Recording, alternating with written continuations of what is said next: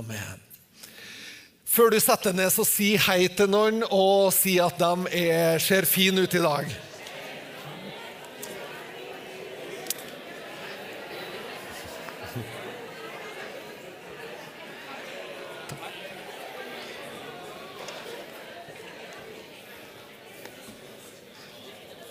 Var det noen som merka at det var en viss hunger etter å få høre det?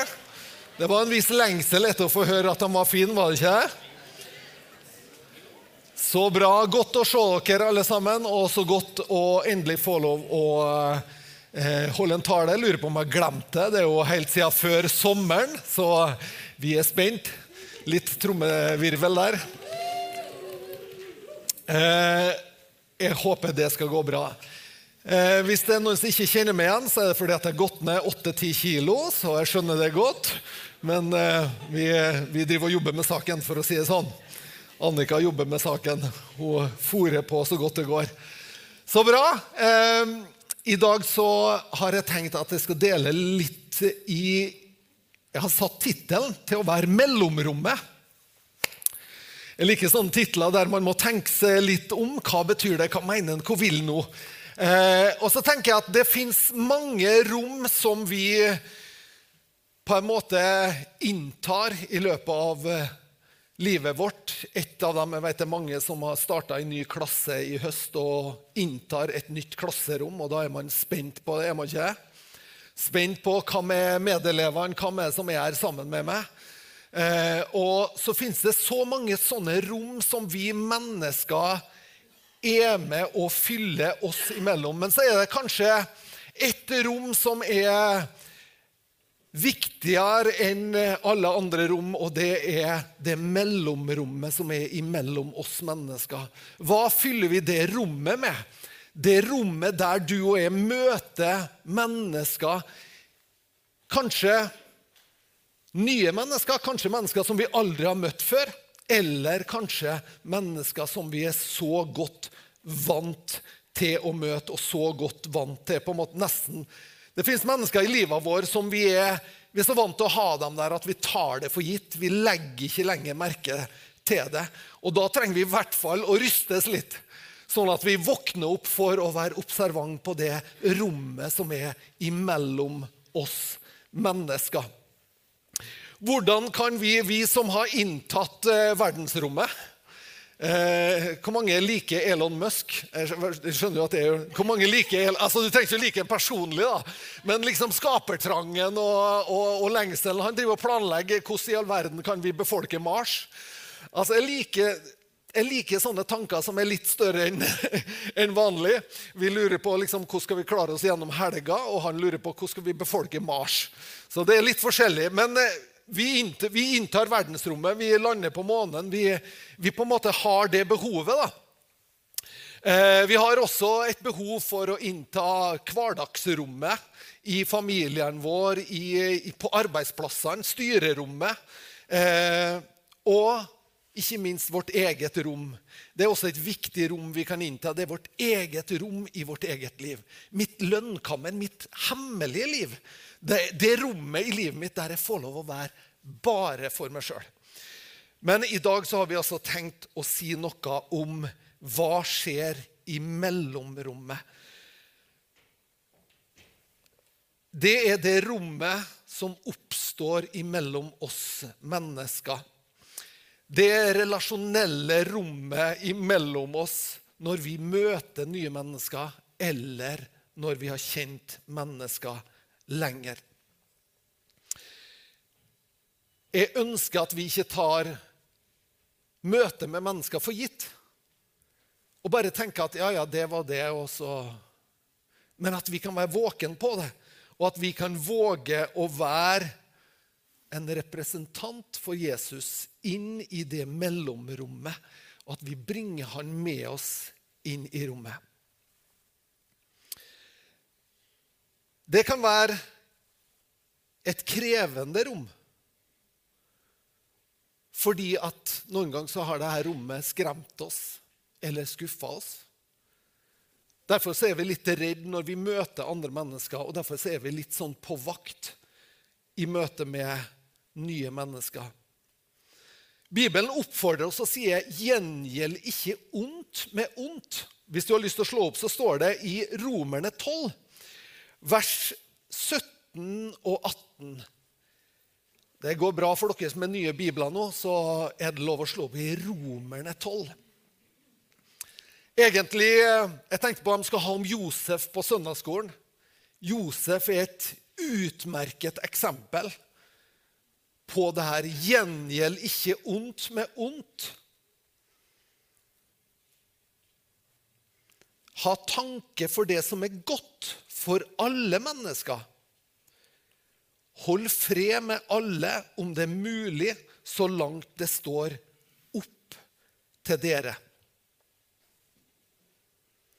Vi skal holde fred med alle mennesker. Det er ikke alltid det er mulig for oss å holde fred med alle. Det er kanskje noen som vil bråke med oss. Sant? Så det er ikke alltid det er mulig liksom, at, det være, at, det skal være, ro og fred. Men Bibelen sier fra de side sett kan du være en som søker fred med alle mennesker. Kan du søke og tenke det beste om alle mennesker? Og så står det også eh, litt lenger ned i det samme kapittelet så står det at La dere ikke overvinne av det onde, men overvinn det onde med det gode. Wow! Det er, det er liksom bare Bibelen som kommer med sånne ting.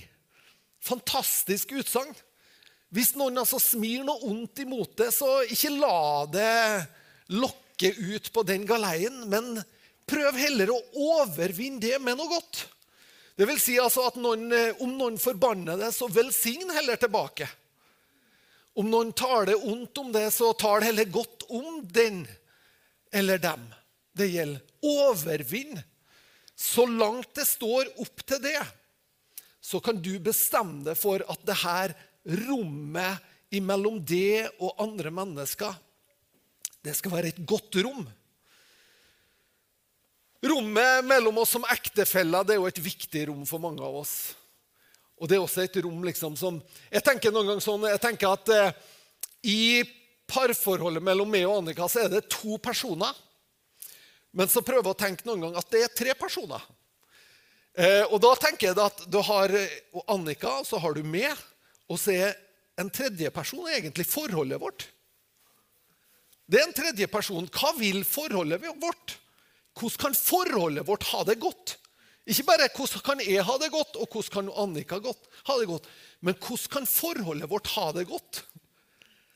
Hvordan kan vi la det rommet få lov å være et godt rom, der begge av oss opplever å vokse og ha det fint? Jeg har vært gift i 31 år. Fantastisk privilegium. Jeg er godt gift. Eh, og håper Annika det var. Og så, Nå skal jeg være litt sånn åpenhjertig. da. Eh, og så, etter at jeg har vært med på Farmen, så, så er det faktisk sånn at eh, eh det er en psykolog da, som ringer meg, skal ringe meg, for de skal liksom ta hånd om oss at vi er liksom ikke eh, helt sammen da, i etterkant. Så, så, jeg tenker ja, men det er fint, koselig at uh, hun ringer. Uh, dyktig dame. Så det blir fint. Da skal jeg si uh, trenger ikke å bekymre deg om meg. Alt er bra. Uh, og så Det tenkte jeg, det hadde planer om liksom, at det er en rask samtale. Og så møter jeg jo Annika da, etter at vi har vært fra hverandre en stund.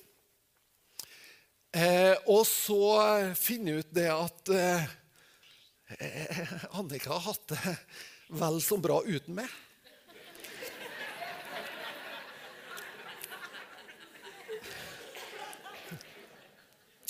Og jeg oppdaga at hun kanskje har levd enda mer.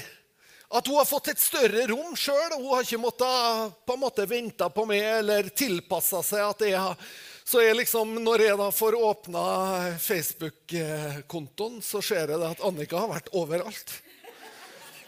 Hun har vært i Innerdalen, hun har vært i Sverige, hun har vært i Ålesund. Hun, hun, hun har levd mye, da. Så når psykologen ringer, så sier jeg at eh, jeg hadde tenkt å si at alt var bra, men jeg har funnet ut at kona har det bedre uten meg. Hva gjør vi? Og da får du en sånn wake-up call på eh, hvordan i all verden kan vi lage dette rommet sånn at det blir enda bedre.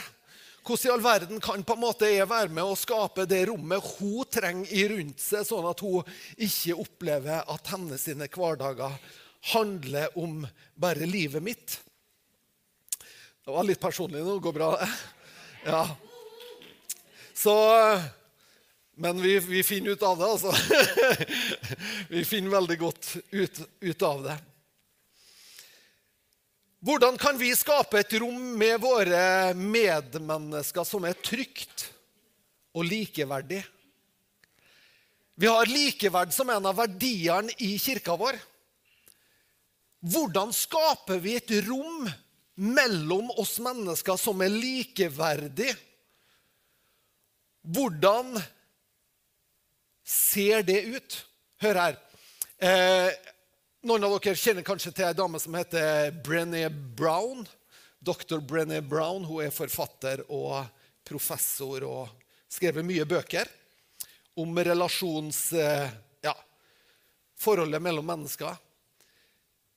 Og hun har i sin forskning så har hun slått fast noe som vi mistenkte i utgangspunktet. Det er jo alltid sånn med forskning at vi som mennesker vi er skrudd sammen med to grunnleggende behov. Og det er kjærlighet og tilhørighet. Det er kanskje de mest grunnleggende av våre sine behov. Det vil si at eh, det her ligger i oss.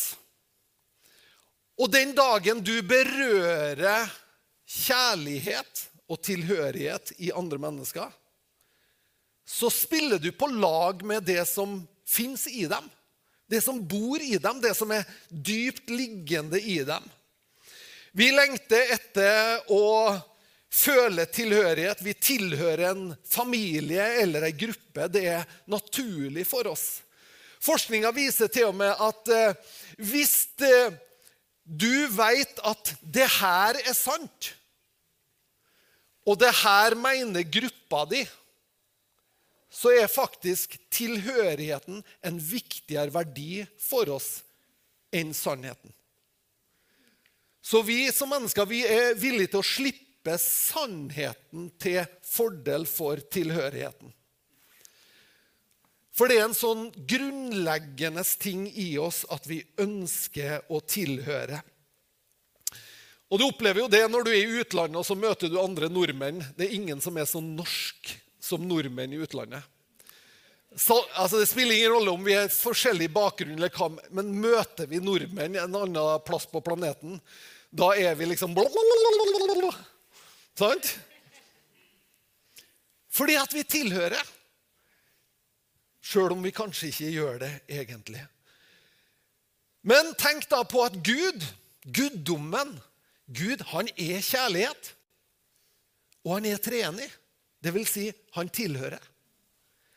Gud har i sitt vesen både å elske og å tilhøre. Så når Gud skaper mennesket som en, Edvard, nei, som en, eh, som en Christian hadde oss så fint med på forrige søndag Hvordan vi var skapt både for å representere og tilhøre.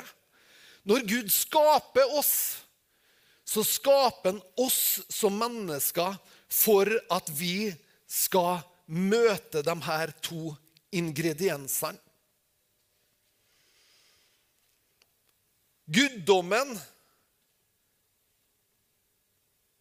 Han skaper mennesket i sitt bilde, og så inviterer han oss inn. Inn til å ta del av både kjærligheten og fellesskapet. Han elsker oss. Og jeg vil at vi skal ta med oss det når vi tenker det rommet vi skaper mellom oss og andre mennesker.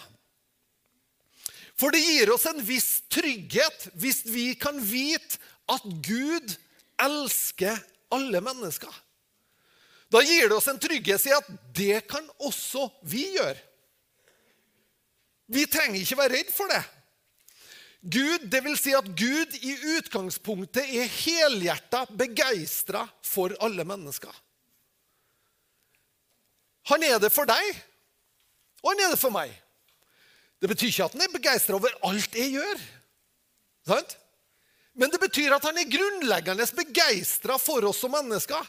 Og han er grunnleggende lengtende etter at du og jeg skal få lov å oppleve hans godhet, hans nåde, hans sannhet som setter oss fri, hans kraft som løfter oss opp og ut av gamle, negative hjulspor. Han vil oss godt som mennesker. Og Derfor så kan også vi innta det rommet med våre medmennesker der vi tenker godt og framtidsretta positivt for mennesker vi møter. Skal vi begynne med det òg nå? Skal vi begynne å tenke positivt om folk òg nå? Vi har gjort det lenge, har vi ikke? Vi tenker sånn om andre mennesker. Men det er godt for oss å ha å ha på en måte det på det rene i vårt eget liv. At vi kan møte mennesker med de her ingrediensene og vite at da spiller vi på lag med lengslene i deres egen sjel. Kan vi våge å være sånn som Gud og invitere til fellesskap og tilhørighet? Kan vi våge det? Altså, kom igjen! Heng med oss! Bli med oss! Heng med oss. Ikke farlig. Du er ikke nødt til å være som oss. Du er ikke nødt til å ha, liksom, tro som oss eller tenke som oss. Kom og vær med oss. Bli med. Her har vi et bra fellesskap. Det er varmt, det er hjerterom. Kom igjen. Ikke farlig. Våger vi å være som Gud? Når han byr inn til gjestebud, så står det at han byr inn både god og gode og onde. Står det. Så han byr oss inn, og så sier han ja, om du er god eller om du er ond det, det, altså, Vi ordner det etter hvert. Det er litt det som er opplegget som Gud Han inviterer oss mennesker inn, og så sier han vi ordner det etter hvert. Ok? Våger vi å være som Gud og elske mennesker? Elske vår neste som oss sjøl? Våger vi å være helhjerta? Mester Matteus, for dere ungdommer. Matteus kapittel 22 og vers 36-40. Mester, hvilket bud er det største i loven?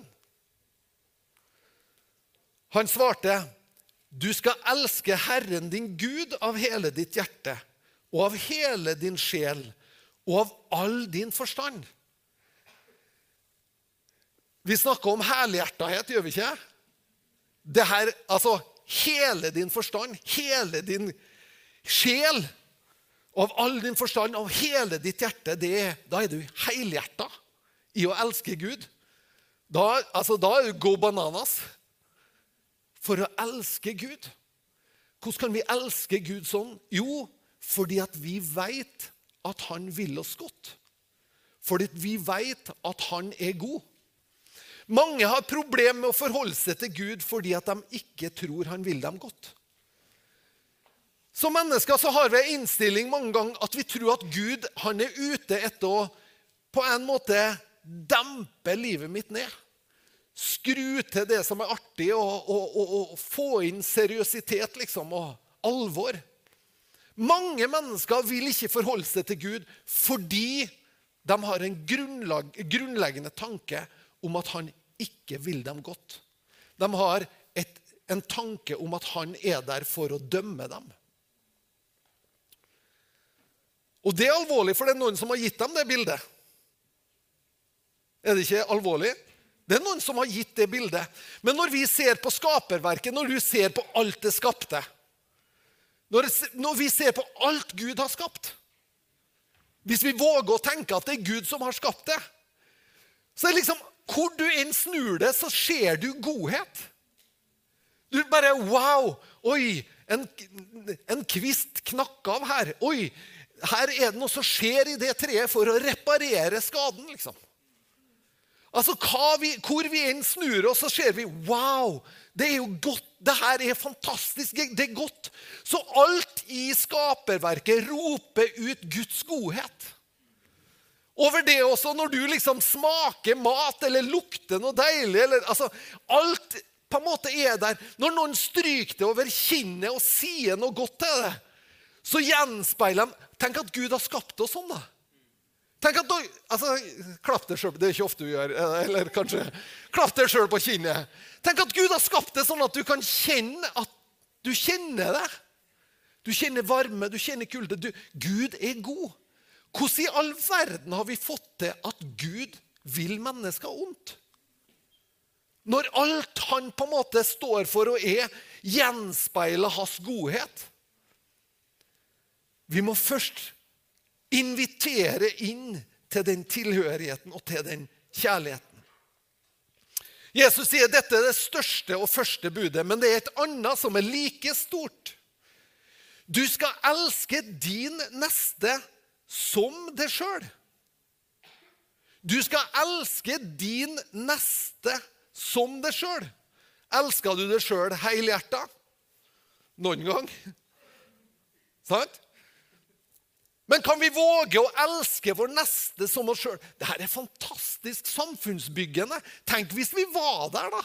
Tenk hvis alle var her. Når Jesus lengter til å skape en ny menneskehet, så er det en ny menneskehet som våger det her han ønsker å skape. Som våger å elske nesten like mye som seg sjøl. Som våger å tenke ja, hva er som er best for meg, og, eller hva er som er best for oss begge. Det er ganske vågalt, er ikke Men hør her. Når Jesus i, i bergprekena så sier han en sånn skikkelig utfordrende kommentar. Han sier, 'Salig er de ydmyke av hjerte, for de skal arve jorden'. Så sjøl om vi syns at alt ser helt annerledes ut på planeten vår, vi syns at det slettes ikke de, de ydmyke av hjertet som sitter i ledende posisjoner og som styrer og steller. Det er de grådige, det er de maktsjuke. Men Jesus sier, 'Salig er de ydmyke av hjertet'. En dag som så skal de arve jorda. Og det er en fantastisk trygghet for oss å vite at det er det Gud tenker. Han tenker at en dag så kommer vi dit, folkens. At er det, er det ydmykhet i hjertet, da har du også rygg til å bære ansvar. Da har du rygg til å bære ansvar, fordi at da tenker du ikke bare på deg sjøl. Da er det ikke egoet som står i sentrum. Er du ydmyk av hjerte, så er du verd å arve jorda. Altså, jeg tenker Når Jesus sier så tenker jeg, ja, men sånn må det jo være. Ellers så blir det aldri slutt på elendigheten.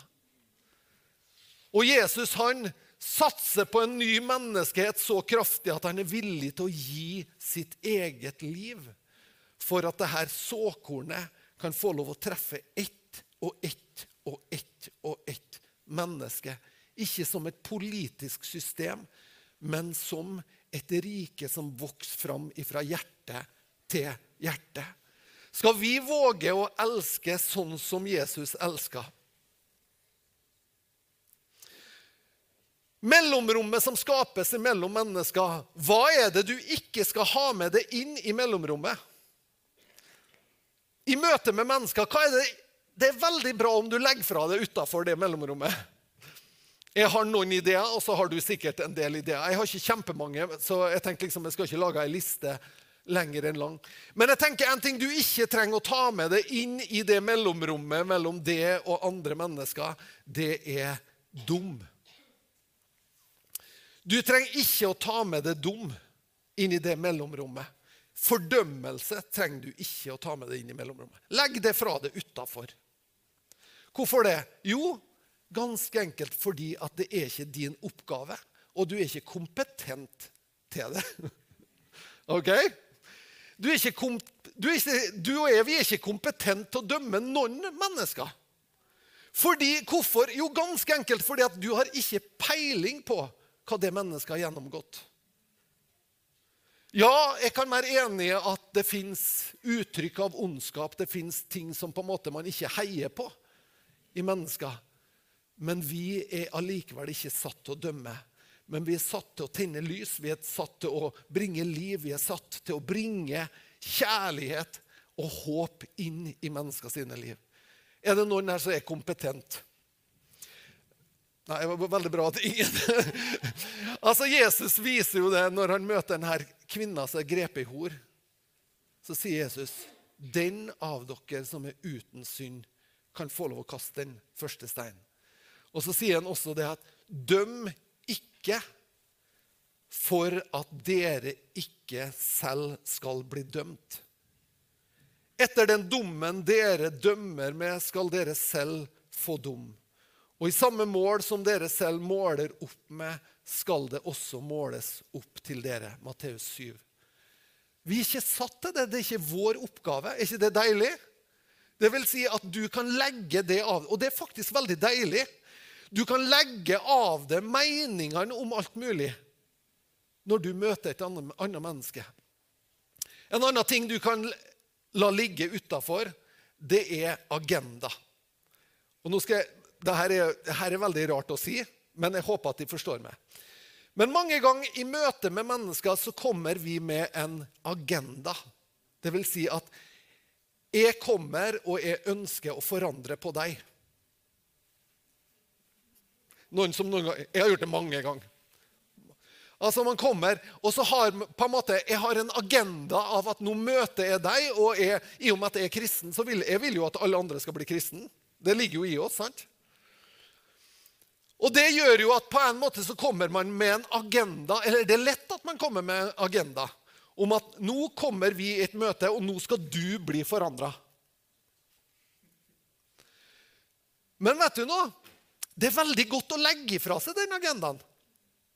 Det er veldig skjønt å la den hvilt, løfte den av skulderen og si at vet du noe, det er faktisk ikke min sak. Det er Den hellige ånds sak. Så jeg kan våge å gå inn i en relasjon uten fordømmelse og uten agenda. Det vil si, jeg går inn i en relasjon og så sier jeg, det her rommet er helt åpent. Det er kanskje faktisk sånn at er jeg som trenger å lære noe i det her mellomrommet. Det er kanskje sånn at det her mellomrommet som jeg hopper inn i nå og våger å være til stede i, det er lærerikt for meg. Det er så spennende for meg. Tenk hvis vi kan møte mennesker der, da. Og mennesker slipper å oppleve at vi har en agenda, eller at vi har en mening om, eller vi synes om. Men vi kan åpne sinnet og tankene våre, og så kan vi møte mennesker med den kjærligheten vi sjøl har fått en del av. Hva skal du da ha med deg inn i mellomrommet? Det er også spennende. Hva kan vi ta med oss inn i mellomrommet? Jo, vi må ta med oss nysgjerrighet. Vi må være nysgjerrig. I det rommet som åpner seg for oss, så må vi være nysgjerrige. Vi må ha med oss barmhjertighet eller medfølelse. Vi må ha med oss liv inn i mellomrommet. Når vi bringer nysgjerrighet inn, vi kan være interessert. Vi kan stille spørsmål, vi kan være undrende. Vi kan være spørrende. Når jeg reiste inn på, på en viss gård for en stund siden, så hadde jeg med meg vet du hva, Mine beste verktøy å ha med meg inn på gården var Det var noen spørsmål. For jeg visste at her har de satt sammen en gjeng med mennesker som er så forskjellige som overhodet mulig for at det skal gnisses og, og, og, og, du skal få gnagsår imot hverandre. Jeg visste at det her er på en måte, De har, de har prøvd å finne som Og så vet de også at de tok meg med fordi at det er en raring. Altså, De tok ikke med, med for at jeg var mainstream Ola og Kari. Nei, de tok for, jeg var en særing, vet du. Mest trulig. Var, nei, jeg vet ikke hvordan de tenker. Men sant, vi er forskjellige, og når vi da skal møtes og er forskjellige, så så er det utfordring i utgangspunktet. Så jeg hadde med meg noen spørsmål. Og det var når jeg fikk lov å sitte ned med noen, så sa jeg Hvem er du? Kan du fortelle meg din historie? Hvorfor har du blitt den du har blitt? Hva er det som har forma det? Og når du da sitter ned, og så er det fantastisk, for de aller fleste har aldri fått et sånt spørsmål. Så jeg sier nå har vi 20 minutter. Kan du fortelle meg litt om deg sjøl? Hvem du er? Og det åpner et rom. Det åpner et fantastisk rom. Og plutselig så har, skapt, så har vi møttes har vi skapt et rom som er djupt, og som er intimt, og som er så sårbart, egentlig. Men det er nysgjerrigheten på andre menneskers historie som vi kan bringe inn i mellomrommet. Og tenke det at dette rommet vil jeg fylle med undring. Jeg vil fylle det med likeverd. Jeg vil fylle det med på en måte en, en godhet som gjør at det, man våger å kjenne på det. Man våger å være der.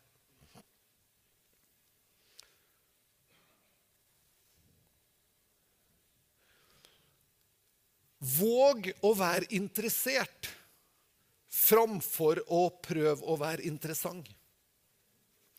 Jeg vet ikke om du har vært i relasjoner. Eh, det har du helt sikkert. Men vi er i hvert fall sånn i en samtale så er vi mange ganger sånn at vi i en samtale så Er det andre enn meg som har vært i en samtale for å speile seg sjøl noen gang? Altså, En samtale er veldig bra å se for seg et speil. sant? Og er, Hvorfor er det i denne samtalen? Og så sitter vi sant? Og, så, og snakker vi, og så tar jeg meg sjøl i at når, når han jeg snakker med, snakker, så sitter jeg egentlig bare og venter på at jeg skal få si min story. Er det noen som har vært der? Ja, To ganger? Fire ganger? Sant? Vi er ofte der. Vi er egentlig i samtalen for å speile oss sjøl. Er vi ikke? Jo, altså da liksom Jo, ja, en er, da. Så, eh, hadde en, jeg hadde en kompis eh, når jeg, når jeg, gikk på ungdomsskolen. så hadde en kompis, Samme hva vi fortalte, så hadde han en verre historie. Kjenner du noe sånne? Altså, og, og, på, og, på, og på Tingvollgjelding da uttrykkes det sånn Enn er, da! Det er liksom Når du endelig slipper det i storyen, og så Enn er, da! Sånn. Og, så, og, vi fant jo ut der, så vi begynte, vi, begynte, jo å dikte opp historier. Å, skal se hva vi gjorde i helga. Vi gjorde det, det. Og så dro vi på skikkelig, og så kom han og så sa han, Ei, det da! Så han bydde alltid over, da. Og mange ganger er vi i samtalen nettopp derfor, fordi at vi ønsker å virke interessant. Vi er der egentlig for å speile oss sjøl. Og det er faktisk sånn at når Dette er forferdelig å, å, å erkjenne. Men når menn leter etter en, en, en partner. Nei, det her er forskning. altså. Det her er forferdelig forskning. Jeg skulle egentlig bare sagt det på gutterommet. Men når, altså hvis du er dame da, og du har lyst, du har lyst liksom å, å, å, å, få et tilslag så Hvis du er i samtalen da, og så begynner du å bruke mimikken hans Altså, Du speiler ansiktsuttrykket hans. Du speiler litt eh, kroppsspråket hans. Eh, du speiler litt måten å si ting på. Vet du hva? Når du gjør det, så, så bekrefter du mannen og han. Oh, oh. Så vi, Mannfolk er utrolig. altså, det, er skikkelig pinlig. Men vi er altså egentlig ute etter et speil av oss sjøl. Det er ganske simpelt. Det var en erkjennelse. Unnskyld, gutta. Unnskyld. Det var ikke bra, det her. Nå får jeg OK. Men det er bedre for oss å være interessert i vår neste. For hvordan kan du heller i en samtale speile den du snakker med? Oi, jeg hører at du sier det. Å, neimen, Så spennende. Fortell mer. Har du noen gang vært i en sånn samtale? Fortell mer. Oi, og det hørtes Nei, hvordan fikk du til det? Og du bare oh, oh, oh. Og når du er ferdig i den samtalen der noen har speila det, da sier du å, beste samtalen ever. Er det noen som har kjent på det? Ja, da liksom da, oh. Men tenk hvis du kan være sånn mot andre, da. At du kan få andre til å føle at Wow, det var beste samtalen ever. Hvorfor da? Og så kan vi ha de her enda dypere samtalen. Og det er da, hvis vi bruker speilet, da, så sier jeg at det er den samtalen der du leter etter hva er bakom speilet. Hva er det som rører seg når du sier det? Når du snakker om familien din, så merker jeg at du blir litt trist. Hva er det som gjør det? Da er vi ikke bare ute etter å speile, eller da er vi ute etter hva ligger bakom. Hva er det som på en måte rører seg i livet ditt? Du blir så glad når du snakker om det. Hva er det som gjør at du blir så glad da? Jo, du skjønner. Sant? Hvis du er oppriktig interessert av et menneske Du kan prøve å bruke to timer på å virke interessant for et menneske. Isteden kan du bruke to minutter på å være interessert i et menneske. Da blir du sjøl interessant. Så Det at vi interesserer oss for andre mennesker, at vi tar med nysgjerrigheten inn i rommet OK? Barmhjertighet, medfølelse. Vi må ta med oss det inn i mellomrommet. Når mennesker har en totalt annerledes livsvandring enn du og jeg De har en totalt forskjellig livsanskuelse enn du og jeg. Da må vi ta med oss medfølelse. Hvis noen har med seg og de, altså, Si, si noe at noen de bannes som en børstebinder. altså de, det, liksom, det står ut av munnen på dem. Og det, liksom, det, og det er ganske annerledes enn kanskje ordforrådet ditt er. Kan du ta med deg medfølelse i stedet for forakt? Kan vi våge å gjøre det? Kan vi våge å si til oss sjøl det her skader ikke meg i det hele tatt? Det her tåler jeg godt. Men hvorfor bærer du det sånn? Hvorfor bærer du livet ditt sånn? Hva er det? Hvor er smerten hen? Kan vi våge å bringe medfølelse inn? Tenk så stor forskjell da på å bringe medfølelse istedenfor fordømmelse. Og så er jeg helt enig om at folk kan vaske munnen sin. litt inni med, altså, Jeg er helt enig i det. Men la ikke det være noe som, som lyser i øynene våre. La medfølelse Hva er det som gjør og, og, husk på, det, en, det her er bønna om barmhjertighet eller medfølelse er sentral i Bibelen. Lord, have mercy on me. Lord, have mercy on me. Den bringer et ekko gjennom hele Bibelen. Når det, de to blinde sitter på sida av veien, og så roper de, 'Herre, ha barmhjertighet med oss'. Når denne dama som har en demonbesatt datter, sier, 'Herre, ha barmhjertighet med oss'. Min datter lider ondt. Sant? Så er det, et, det er et rop etter barmhjertighet, etter medfølelse. Og hva står det om Jesus i Matteus 9? Jo, det står at når han så folkeskarene, da sa han at da fikk han medlidenhet med dem fordi de var som får uten hyrde. Det vil si at det han så, var kaos. Det han så, var mennesker som har forvilla seg langt, langt bort ifra det Gud hadde intensjoner om. Derfor så sier han jeg fikk medlidenhet med dem. La oss også være sånne som har medlidenhet med mennesker. Inn i mellomrommet så trenger du også å bringe liv. Bring ditt liv, bring din på en måte, den du er, det du har, det du bærer med deg. Vær ekte. Vær deg sjøl. Ikke prøv å være noen andre. Vær deg sjøl. Du er bra nok sånn som du er. Du kan få lov å være deg sjøl med stor frimodighet. Og tenk, bare, bare våg å tenke at det fins noe i mitt liv som treffer noen andre. Det fins noe i mitt liv som attraherer andre mennesker.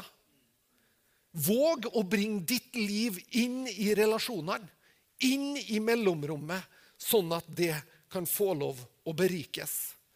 Er vi klar til å innta mellomrommet, folkens? Er vi klar til å innta mellomrommet? Er vi klar til å si ja til det rommet som skapes mellom oss og andre mennesker? Er det spennende? Det er spennende. Skal vi be sammen? Jeg takker, Herre Far, for din godhet imot hver enkelt av oss. Takker for din nåde som du har vist oss, Herre. Og så ber vi om at vi skal få lov å ta den godheten videre, Herre.